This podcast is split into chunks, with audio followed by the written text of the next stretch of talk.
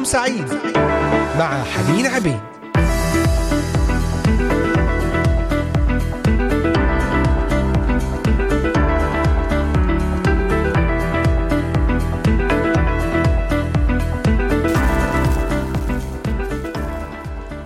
وسهلا بكم أحبائي المستمعين في حلقة جديدة في يوم جديد الثلاثاء الحادي والثلاثين من شهر يناير عام 2023 والساعة الواحدة وسبع دقائق بتوقيت الأراضي المقدسة.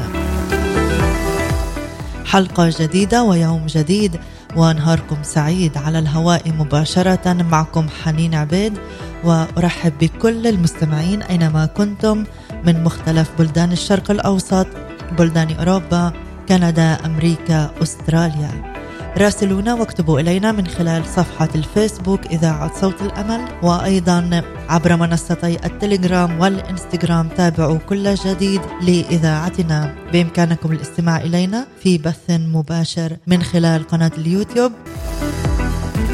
أيضا بإمكانكم متابعتنا عبر منصات البودكاست المختلفة أنغامي سبوتيفاي ديزر أمازون ميوزك كاست بوكس أبل وجوجل بودكاست.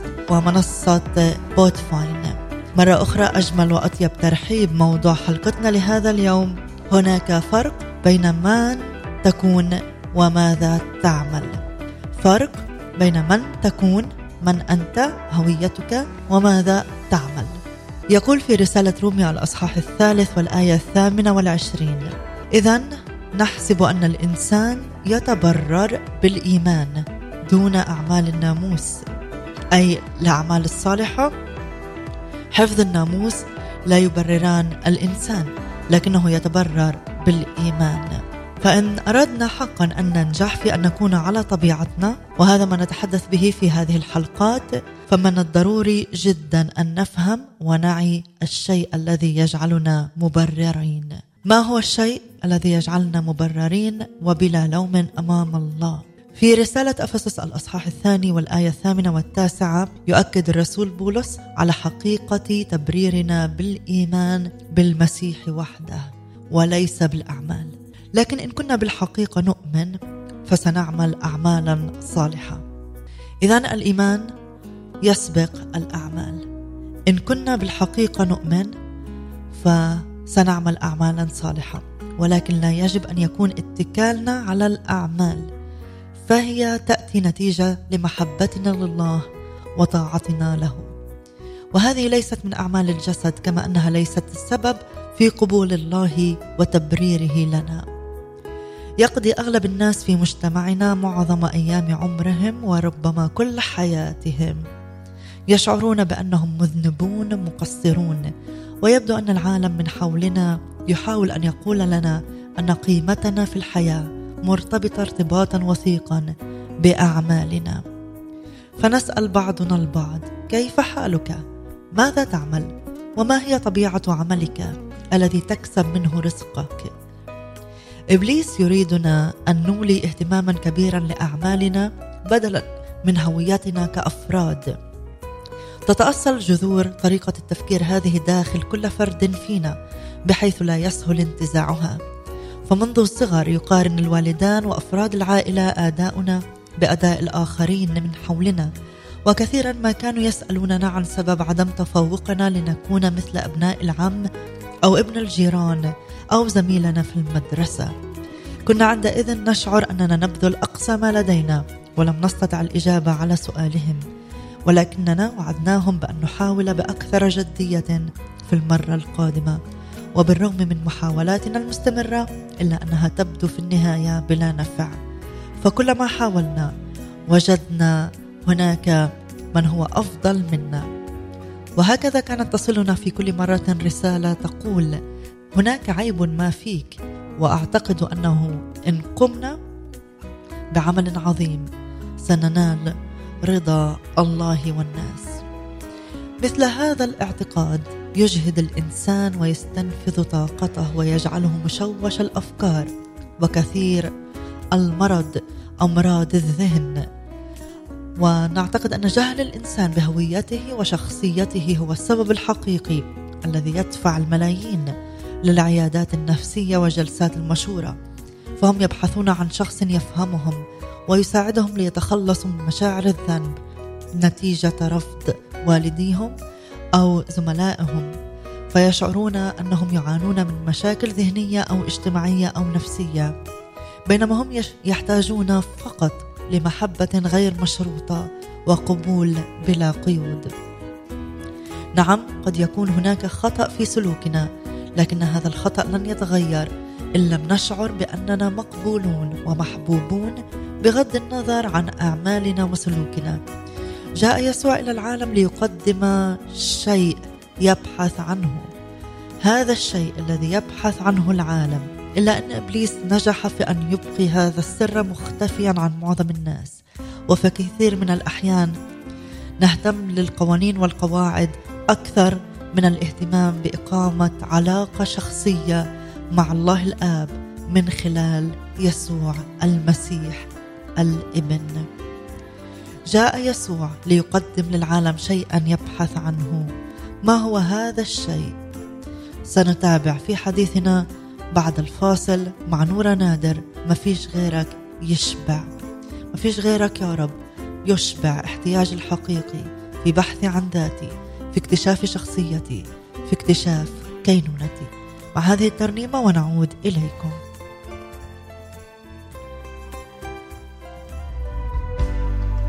فيش غيرك يشبع. يا رب ما فيش غيرك يشبع. هنقوله كلمات دي. ما فيش غيرك يشبع. بالضعف ويدي قوة. هللويا. ما فيش غيرك يشبع. نفوس عاشت جعانة ويفكر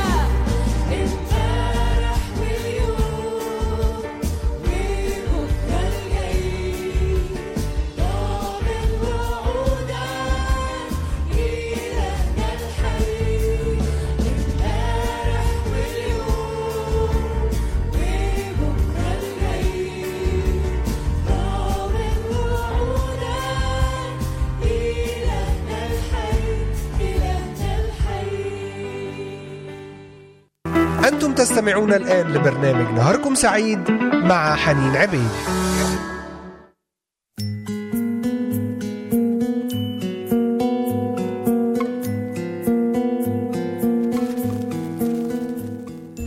عدنا إليكم أحبائي المستمعين ونتكلم اليوم عن الفرق بين من تكون من هي شخصيتك وماذا تفعل. احتاج لمن يفهمني. كثيرا ما نردد هذه الجملة هذه العبارة أحتاج لمن يفهمني. احبائي هنالك آية رائعة في رسالة العبرانيين الأصحاح الرابع الآيات الخامسة عشر والسادسة عشر. إن كنت تشعر بأن هنالك حاجة لمن يفهمك اسمع هذه الآية اقرأها دونها. فلنتمسك بالإقرار. لأن ليس لنا رئيس كهنة غير قادر أن يرثي لضعفاتنا بل مجرب في كل شيء مثلنا بلا خطية.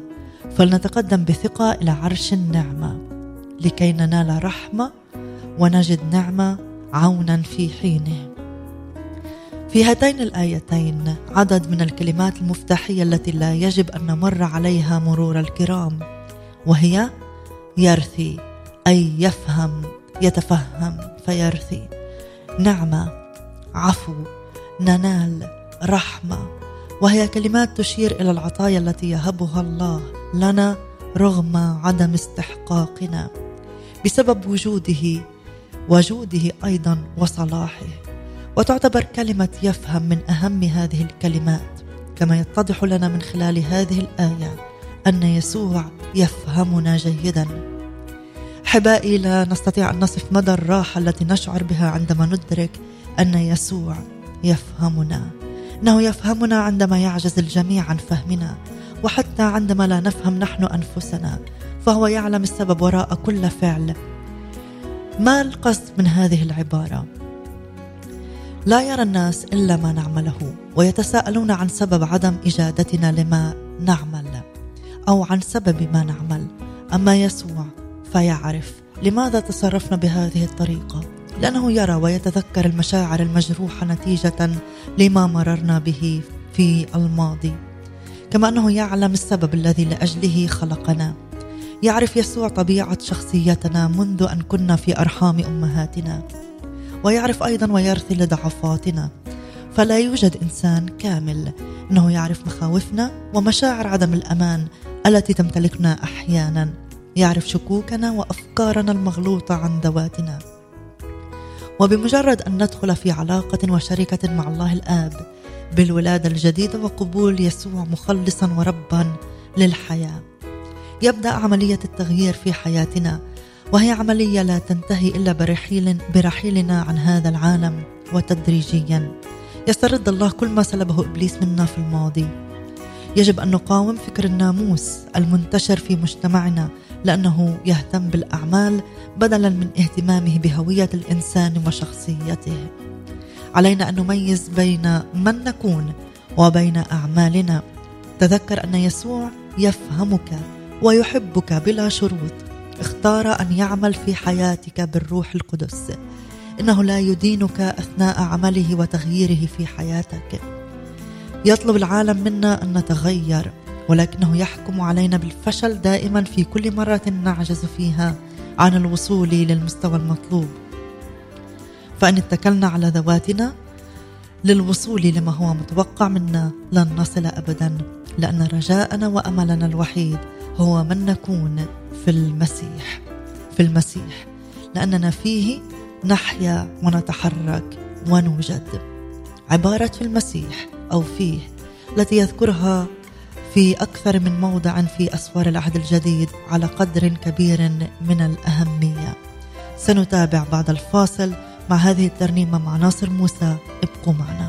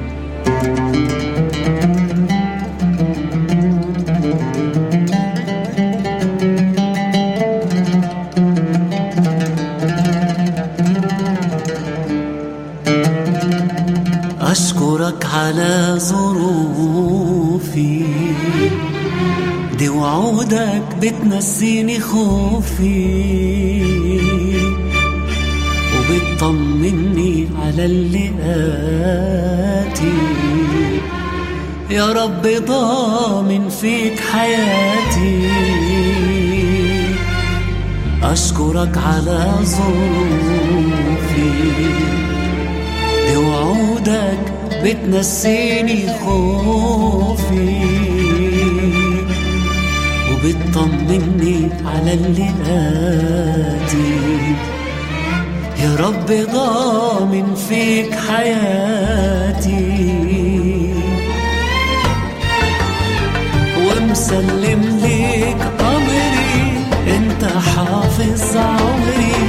يا سندي ويا ستري ربي وسيدي.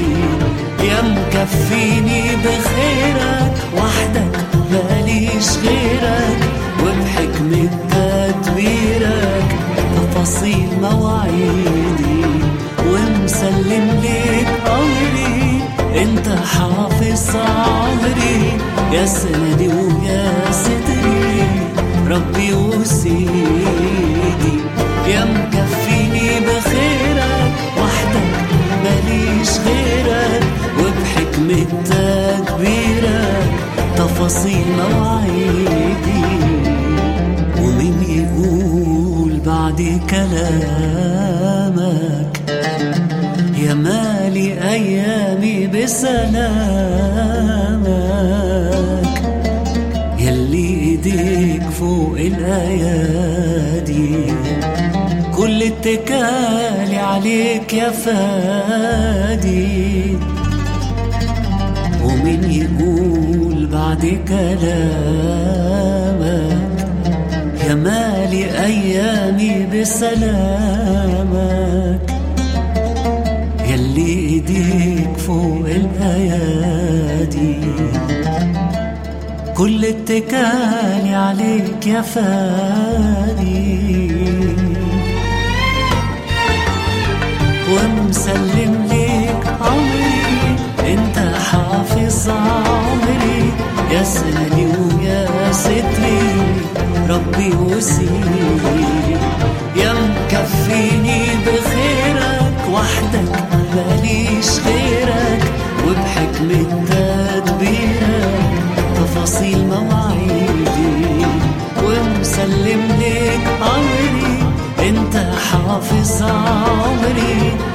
سندي ويا ستري ربي وسيدي يا مكفيني بخيرك وحدك ماليش غيرك.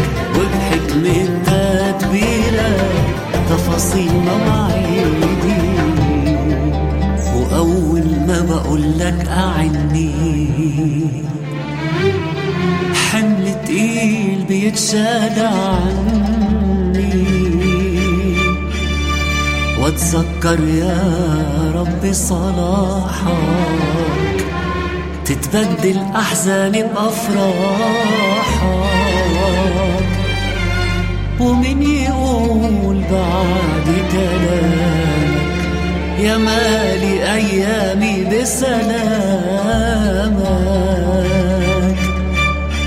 يلي ايديك فوق الايادي كل اتكالي عليك يا فادي. ومسلم ليك امري انت حافظ عمري. يا سندي ويا ستري ربي وسيدي. يا مكفيني بخيرك وحدك ماليش غيرك. وبحكمة تدبيرك تفاصيل مواعيدي. ومسلم ليك أمري انت حافظ عمري. يا سندي ويا ستري. ربي وسيدي يا مكفيني بخيرك. وحدك ماليش غيرك. وبحكمة تدبيرك تفاصيل مواعيدي.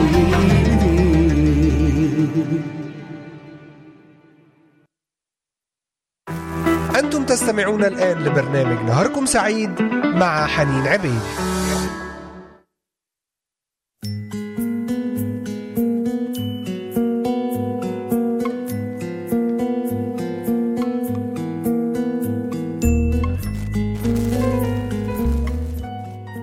نتابع وإياكم أحبائي المستمعين في موضوع حلقتنا. هنالك فرق بين من تكون ومن تعمل وما تعمل. علينا أن نميز بين من نكون وبين أعمالنا. نتذكر أن يسوع يحبنا ويحب كل واحد فينا بلا شروط. اختار أن يعمل في حياتنا بالروح القدس وهو لا يديننا أثناء عمله وتغييره في حياتنا. في المسيح لأننا به نحيا ونتحرك ونوجد عبارة في المسيح والتي يرد ذكرها في أكثر من موضع في أسفار العهد الجديد. هذا يعني أنها على قدر من الأهمية. فإن لم نفهم هذه العبارة لا نستطيع أن ندرك من نكون وسنقضي بقية عمرنا نصارع حتى نطور ونحسن من أعمالنا. يصير الإنسان في المسيح عندما يقبله مخلصا شخصيا في حياته. وهكذا ينال كل ما حققه المسيح واستحقه. ونستطيع أن نفهم طبيعة هذه العلاقة عندما ننظر إلى طبيعة العلاقة بيننا وبين أولادنا.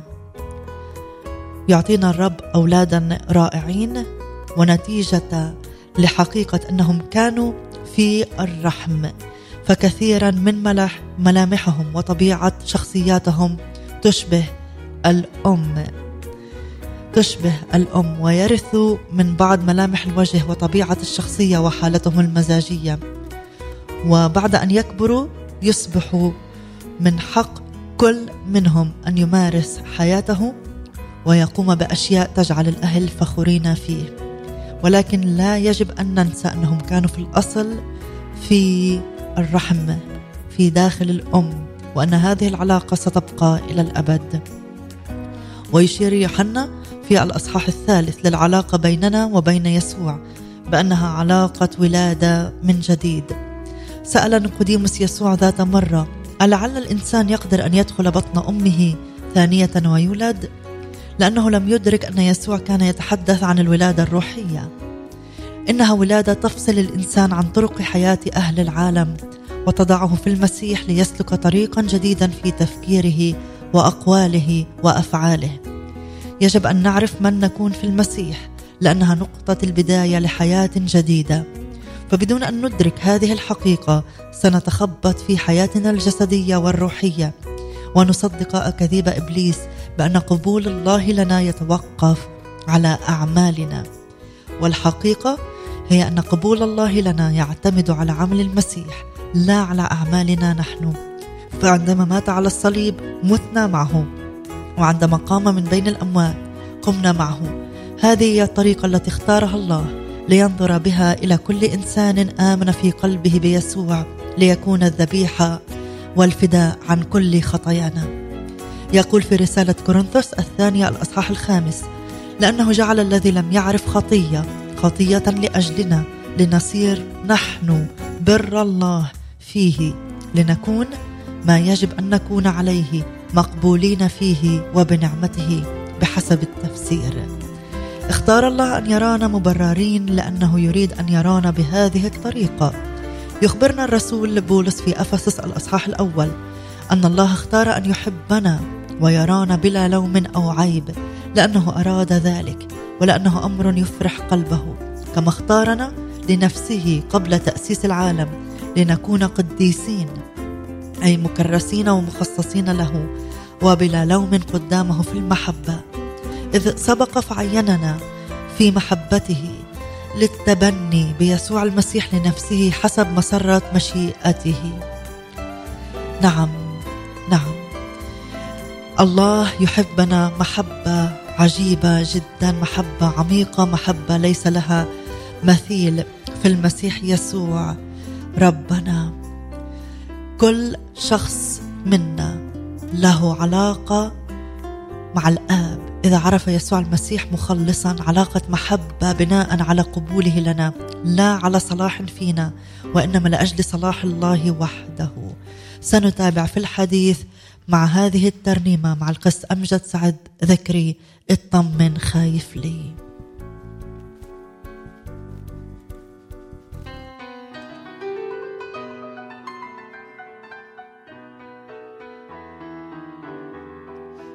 اطمن خايف ليه؟ ده ناقش اسمك على كفي طول ما انت ماسك في ايديه اطمن اطمن. عنده للموت مخارج ما هو الأسد الخارج. غالب وهيفضل غالب. اطمن اطمن اطمن. خايف ليه؟ ده ناقش اسمك على كفيه طول ما انت ماسك في ايديه. اطمن اطمن. عنده للموت مخارج. ما هو الأسد الخارج؟ غالب وهيفضل غالب. اطمن عالموج العالي بيمشي وكمان المرضى بيشفي. يدي وبنعمة يكفي ويسدد الاحتياجات. في البحر يشق طريق يتمجد وسط الضيق. مهما الأحوال بتضيق. يجي ويصنع عالموج عالموج العالي بيمشي وكمان المرضى بيشفي. يدي وبنعمة يكفي ويسدد الاحتياجات. في البحر يشق طريق يتمجد وسط الضيق. مهما الأحوال بتضيق يجي ويصنع قوات. يجي ويصنع قوات. اطمن خايف ليه؟ ده ناقش اسمك على كفيه. طول ما أنت ماسك في إيديه اطمن اطمن. عنده للموت مخارج ما هو الأسد الخارج. غالب وهيفضل غالب. اطمن اطمن. ضابط كل الأكوان. وبروحه في كل مكان وبيدي سلام وأمان للي بيتعلق بيه في الرحمة ملوش مثيل وفداءه ده هو دليل. عن حبه الكل دليل غالي ومحبوب فعل ضابط ضابط كل الأكوان. وبروحه في كل مكان وبيدي سلام وأمان للي بيتعلق بيه. في الرحمة ملوش مثيل يسوع وفداءه ده هو دليل عن حبه الكل دليل. غالي ومحبوب في عينيه غالي ومحبوب في عينيه اطمن خايف ليه؟ ده ناقش اسمك على كفيه. طول ما انت ماسك في ايديه. اطمن اطمن عنده للموت مخارج. ما هو الأسد الخول غالب وهيفضل غالب. اطمن في الحرب يحارب عنا. لما بنصرخ له أعنا طول عمره قريب منا ولا يعرف مستحيلات. إبليس قدامه مرعوب وباسم يسوع مغلوب.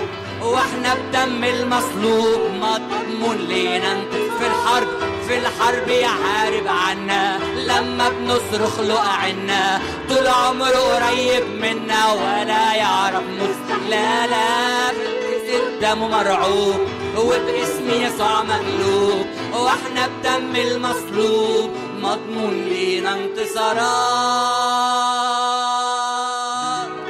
مضمون لينا انتصارات.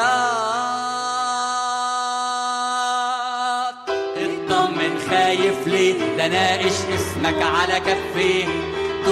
انت ماسك في ايديه اطمن اطمن. عنده للموت مخارج ما هو الأسد الخارج؟ غالب وهيفضل غالب. اطمن اطمن.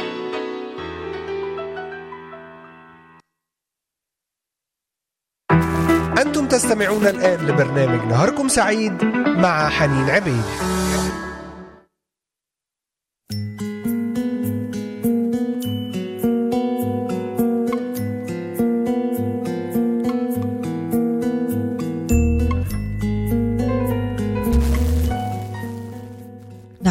اطمن خايف ليه ده ناقش اسمك على كفي. الرب يحبك جدا جدا في علاقة مميزة معك. يقبلك لا لأجل صلاح فيك وإنما لأجل صلاحه وحده. لقد قبل الله المسيح الإبن وعمله الكفاري على الصليب. كانت ذبيحة المسيح الإبن على الصليب مقبولة ومرضية أمام الآب. وهكذا فإنه يقبلنا لأننا صرنا في المسيح عندما آمنا. وهذه قائمة بالأشياء التي صارت لنا بالإيمان بعد أن صرنا في المسيح. مبارك الله أبو ربنا يسوع المسيح الذي باركنا بكل بركة روحية في السماويات في المسيح يسوع. لنا بركة روحية حتى نكون لمجد أو لمدح مجد نعمته التي أنعم علينا في المحبوب الذي فيه لنا الفداء أي الخلاص والحرية بدمه غفران الخطايا حسب غنى نعمته. الذي فيه أيضا نلنا نصيبا معينين سابقا حسب قصد الذي يعمل كل شيء حسب رأي مشيئته. الذي فيه أيضا أنتم إذ سمعتم كلمة الحق إنجيل خلاصكم الذي فيه أيضا إذا آمنتم ختمتم بروح الموعد القدوس. ونحن أموات بالخطايا أحيانا مع المسيح بالنعمة. أحيانا مع المسيح بالنعمة. أنتم مخلصون. لأن به لنا كلينا قدوما في روح واحد إلى الآب. الذي فيه أنتم أيضا مبنيون معا متأصلين ومبنيين فيه موطدين في الإيمان كما علمتم متفاضلين فيه بالشكر وأنتم مملؤون فيه أي في المسيح الذي هو رأس كل رياسة وسلطان.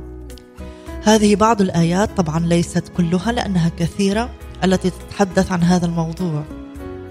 إذا استطعت أن تدرك أهمية الفهم الواعي للفرق بين من نكون في المسيح وبين الأعمال التي نعملها لنكسب قبول الله وغفرانه. الحقيقة هي أنه من المستحيل أن نكسب عفو الله وقبوله بالأعمال مهما حاولنا. وإلا ما كان عفوا فالعفو هو العمل الذي يقوم به شخص آخر تجاهنا بحسب صلاحه لا لأننا نستحقه. استرداد قيمتنا وأهميتنا. استرداد قيمتنا وأهميتنا. نفتخر في المسيح يسوع ولا نتكل على الجسد حسب ما جاء في رسالة فيلبي الأصحاح الثالث. يستحيل أن نضع ثقتنا ورجائنا في أي عمل يمكن أن نقوم به أو سبق وقمنا به فثقتنا يجب ألا تقوم على الجسد أي بأعمال الجسد بل على من نكون في المسيح. ما أجمل الحرية التي يمكن أن نشعر بها عندما ندرك أن قيمتنا وأهميتنا في الحياة لا تتوقفان على ما نقوم به بل على من نكون في المسيح. أعطانا الرب أهميتنا عندما أرسل يسوع ليموت لأجلنا. وكأن الله الآب يقول لك إنه بموت المسيح على الصليب وباحتمال العذاب لأجلك. أنت غال جدا على قلبي وسأدفع الثمن مهما كان لأفتديك وأعطيك حياة رائعة التي قصدت أن أعطيها لك قبل تأسيس العالم. بمجرد يا أحبائي أن يعرف كل منا من يكون في المسيح سنقدر عندئذ وعندئذ فقط أن نصلي حتى تتغير أفعالنا. نعم يهتم الله بأفعالنا ويريدنا أن نسلك باستقامة كما يريدنا أن ننمو لنصبح مؤمنين ناضجين. نسلك كما سلك يسوع عندما عاش على أرضنا. يريد الرب أن يعمل فينا ونحن نعمل اعمالا صالحة من خلاله ولكن لا يريدنا أن نتكل عليها حتى ننال شيئا وإنما لنبرهن له عن حبنا. فهو يريد أن نكون في أعمال صالحة ردا على ما فعله لأجلنا. بمجرد أن تدرك من أنت في المسيح تبدأ في عمل أعمال صالحة ولكن بالدافع الصحيح. ما أكثر من يعملون هذه الأعمال بدوافع خاطئة فلا يكافئون بالنهاية. الرب يهتم بدوافعنا الرب يهتم في قلوبنا. سنتابع بعد هذا الفاصل مع صموئيل فاروق ابقوا معنا.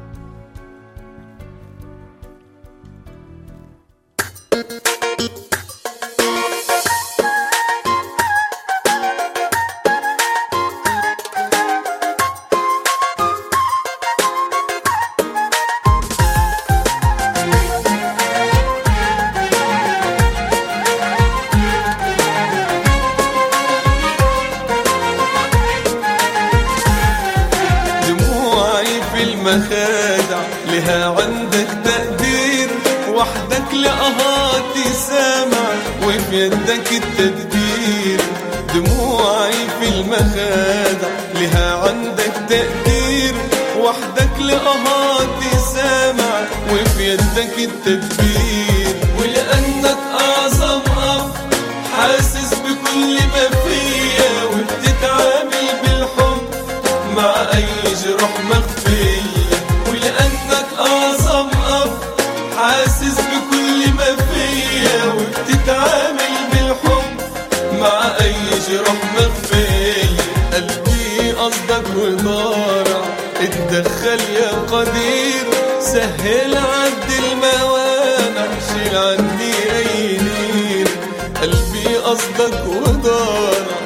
اتدخل يا قدير سهل عد الموانع شيل عني أي نير.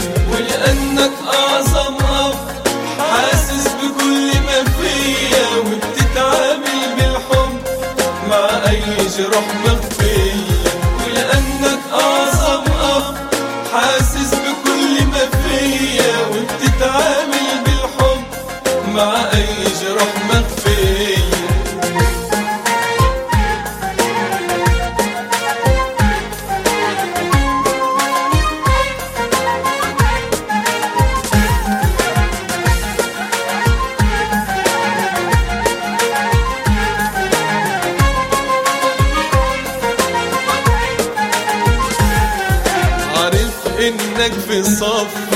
ضد قوة الشرير تعالج بالنعمة ضعفي تحلي حلق المرير. عارف إنك في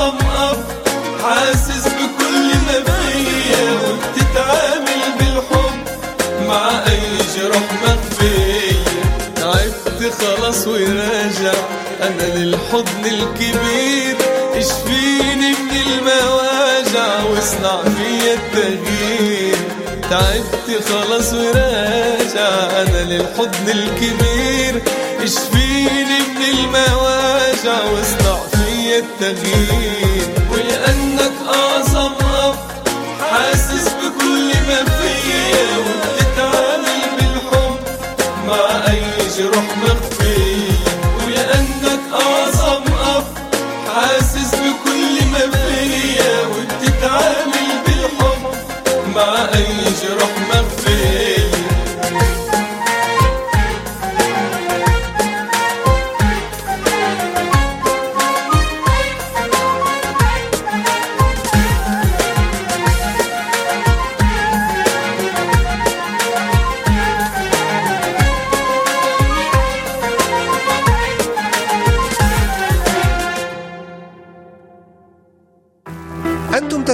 الآن لبرنامج نهاركم سعيد مع حنين عبيد.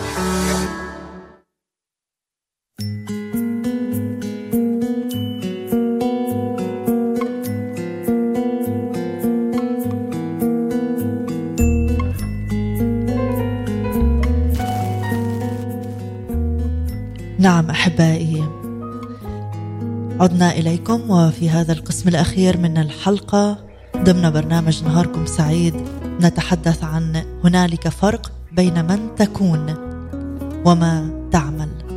الرب ينظر إليك من تكون مؤمنا حقيقيا بيسوع المسيح كينونتك ما تعمل من أعمال؟ ذكرنا أن الأعمال لا تقود إلى الخلاص لكن نتيجة لخلاصنا. فنحن نعمل اعمالا تظهر هذا البر تظهر هذا الخلاص تظهر محبتنا للرب. كينونتك ستغير أعمالك. قال بولس الرسول لأهل غلاطيا في الأصحاح الثالث أريد أن أتعلم منكم هذا فقط. أبأعمال الناموس أخذتم الروح أم بخبر الإيمان؟ هل بحفظكم للناموس أم برسالة الإيمان؟ أبعدما ابتدأتم بالروح تكملون الآن بالجسد؟ أهذا المقدار احتملتم عبثا؟ إن كان عبثا. نعم كلنا كان لدينا أخطاء كثيرة واتجاه قلب خاطئ وكنا في أمس الحاجة للتغيير ونريد أن نتغير ولذلك كنا نحاول بقدر استطاعتنا إلا أن شيئا لم يفلح. ولذلك كنا نشعر بالذنب والإدانة طوال الوقت نشعر بالفشل في حياتنا مع الرب. كما كنا على يقين أن هنالك من هو أفضل منا بكثير فكيف يمكن أن يستخدمني الرب وأنا على هذه الحال؟ أظن أن أغلبنا مر بهذه التساؤلات. كيف أنظر إلى عيوبي وأخطائي؟ قد كنا ننظر إليها في الوقت الذي يجب فيه أن نهتم في تطوير علاقتنا مع الرب. ونعتقد أن الرب لن يستخدمنا إن لم نصلح من حالنا. نعم قبلنا يسوع مخلصا في الحياة ولكن لم تكن لنا شركة حقيقية معه. فعندما كنا نتواجد ونجد الوقت لمحضر الرب كنا نخبره بأخطائنا وأننا نادمون عليها ونعده أننا سنحاول أن نكون أفضل في المرات القادمة ولكننا لم نجد سبيلا لذلك. لكن أحبائي تقول لنا رسالة روميا الأصحاح الثامن الآية الأولى. أننا مبررين بيسوع المسيح وحده. إذا لا شيء من الدينونة الآن على الذين هم في المسيح يسوع. هذه عبارة رائعة جدا. وتقول البقية السالكين ليس حسب الجسد بل حسب الروح. نعم. نحتاج أن نسلك بالروح طوال الوقت. طوال الوقت. لكننا لا نستطيع السلوك في الروح. فما هو الحل؟ إن استطعنا أن نسلك حسب الروح لا بحسب الجسد فلن ندان. لكن عندما نسقط في الخطية وجميعنا نسقط. فهنالك طريقتان للتعامل معها طريقة جسدية وأخرى روحية. عندما نسقط في الخطيئة بحسب الطريقة الجسدية نتفوه بأمور خاطئة نقوم بتصرفات خاطئة. نريد نوال الغفران عن طريق أعمال الجسد. نعمل أعمالا حتى نصلح ما أفسدناه. بدون أن نقبل غفران الله المجاني ولكن بمجرد نوالنا هذا الغفران المجاني نشعر بحرية لنعمل أعمالا صالحة نتيجة لامتلاء قلبنا بالمحبة. تجاه الله ردا على محبته ورحمته التي أظهرها لنا. فتكون النتيجة فيضا من الأعمال الصالحة. جميعنا نحتاج التغيير ونريد التغيير ونسعى للتغيير ولكن المشكلة قد تكون في عجزنا على التمييز من نكون وما هي أعمالنا. فكنا نعمل حتى نصلح من نكون. نحتاج يا أحبائي أن نعرف من نحن في المسيح وعندئذ سيعيننا الرب يسوع المسيح أن نعمل أعمالا صالحة بدافع صالح. هذه المشكلة ليست موجودة في عصرنا فقط بل أيضا أثارها بولس الرسول في موضع من رسائله. ففي رسائل غلاطيا سأل عن سبب محاولة الغلاطيين الوصول للكمال عن طريق الاتكال على الجسد وحثهم أن يتذكروا أنهم نالوا الحياة الجديدة بالإيمان والاتكال على الروح القدس.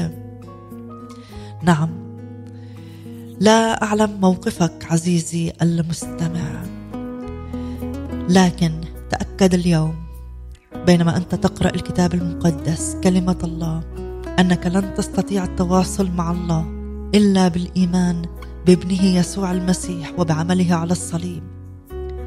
ليس بأفعالك. لن ينجح فينا أحد أن يكون على طبيعته إن لم يعرف كل هذه الأمور كما أن أحدا لن ينجح أبدا إن سلك بالأعمال ليس بالإيمان. لأننا إن اعتقدنا أن قبول الله لنا يتوقف على أعمالنا سنشعر أننا مرفوضون عاجزون عن عمل كل ما هو صواب.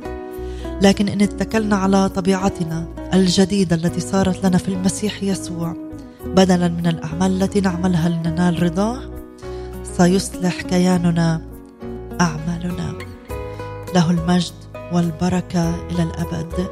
ونحن جميعا ناظرين من مجد إلى مجد ناظرين مجد الرب بوجه مكشوف كما في مرآة نتغير إلى تلك الصورة عينها من مجد إلى مجد كما من الرب الروح كيف ترى نفسك؟ هل تستطيع تقييم نفسك وسلوكك دون أن تشعر بإدانة الله لك؟ هل تستطيع أن تتأمل المنافسة والمسافة التي يجب أن تسيرها وفي نفس الوقت تتأمل المسافة التي سرتها في الفعل فالمكان الذي أنت واقف عليه الآن ليس هو المكان الذي ستكون عليه غدا. هل ترى خط النهاية؟ أم هل تكتفي بعبور خط البداية فقط؟ الرب يريد أن يغير حياتك من مجد إلى مجد. يغير شخصيتك وظروفك بمستوى متدرج. أنت الآن في مجد. سينقلك إلى مجد جديد. إن كنت ولدت من جديد قبلت يسوع مخلصا في حياتك فأنت تسلك في طريق البر وبالرغم من شعورك أنك لم تقطع المسافة التي كنت تريد أن تقطعها لكن أشكر الرب لأنك تسير في الطريق الصحيح. تسير في الطريق الصحيح.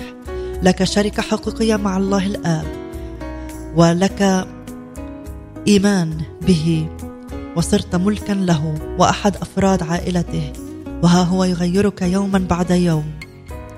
آمين آمين. قل له يا رب أشكرك على هذه العلاقة التي لي معك من خلال يسوع المسيح ابنك. أشكرك على الصليب أشكرك على التبرير المجاني ليس بالأعمال. ليس بالأعمال. إن كنت ما زلت تحاول أن تكسب رضا الله بأعمالك. صلي بعد أن استمعت هذه الحلقة. تقول له يا رب أريد تغيير في داخلي. في كينونتي في شخصيتي في من أكون. أريد أن أكون تابعا ليسوع. آمين. يكون يسوع ملكي وربي وسيدي. وإبليس دائما تحت أقدامي.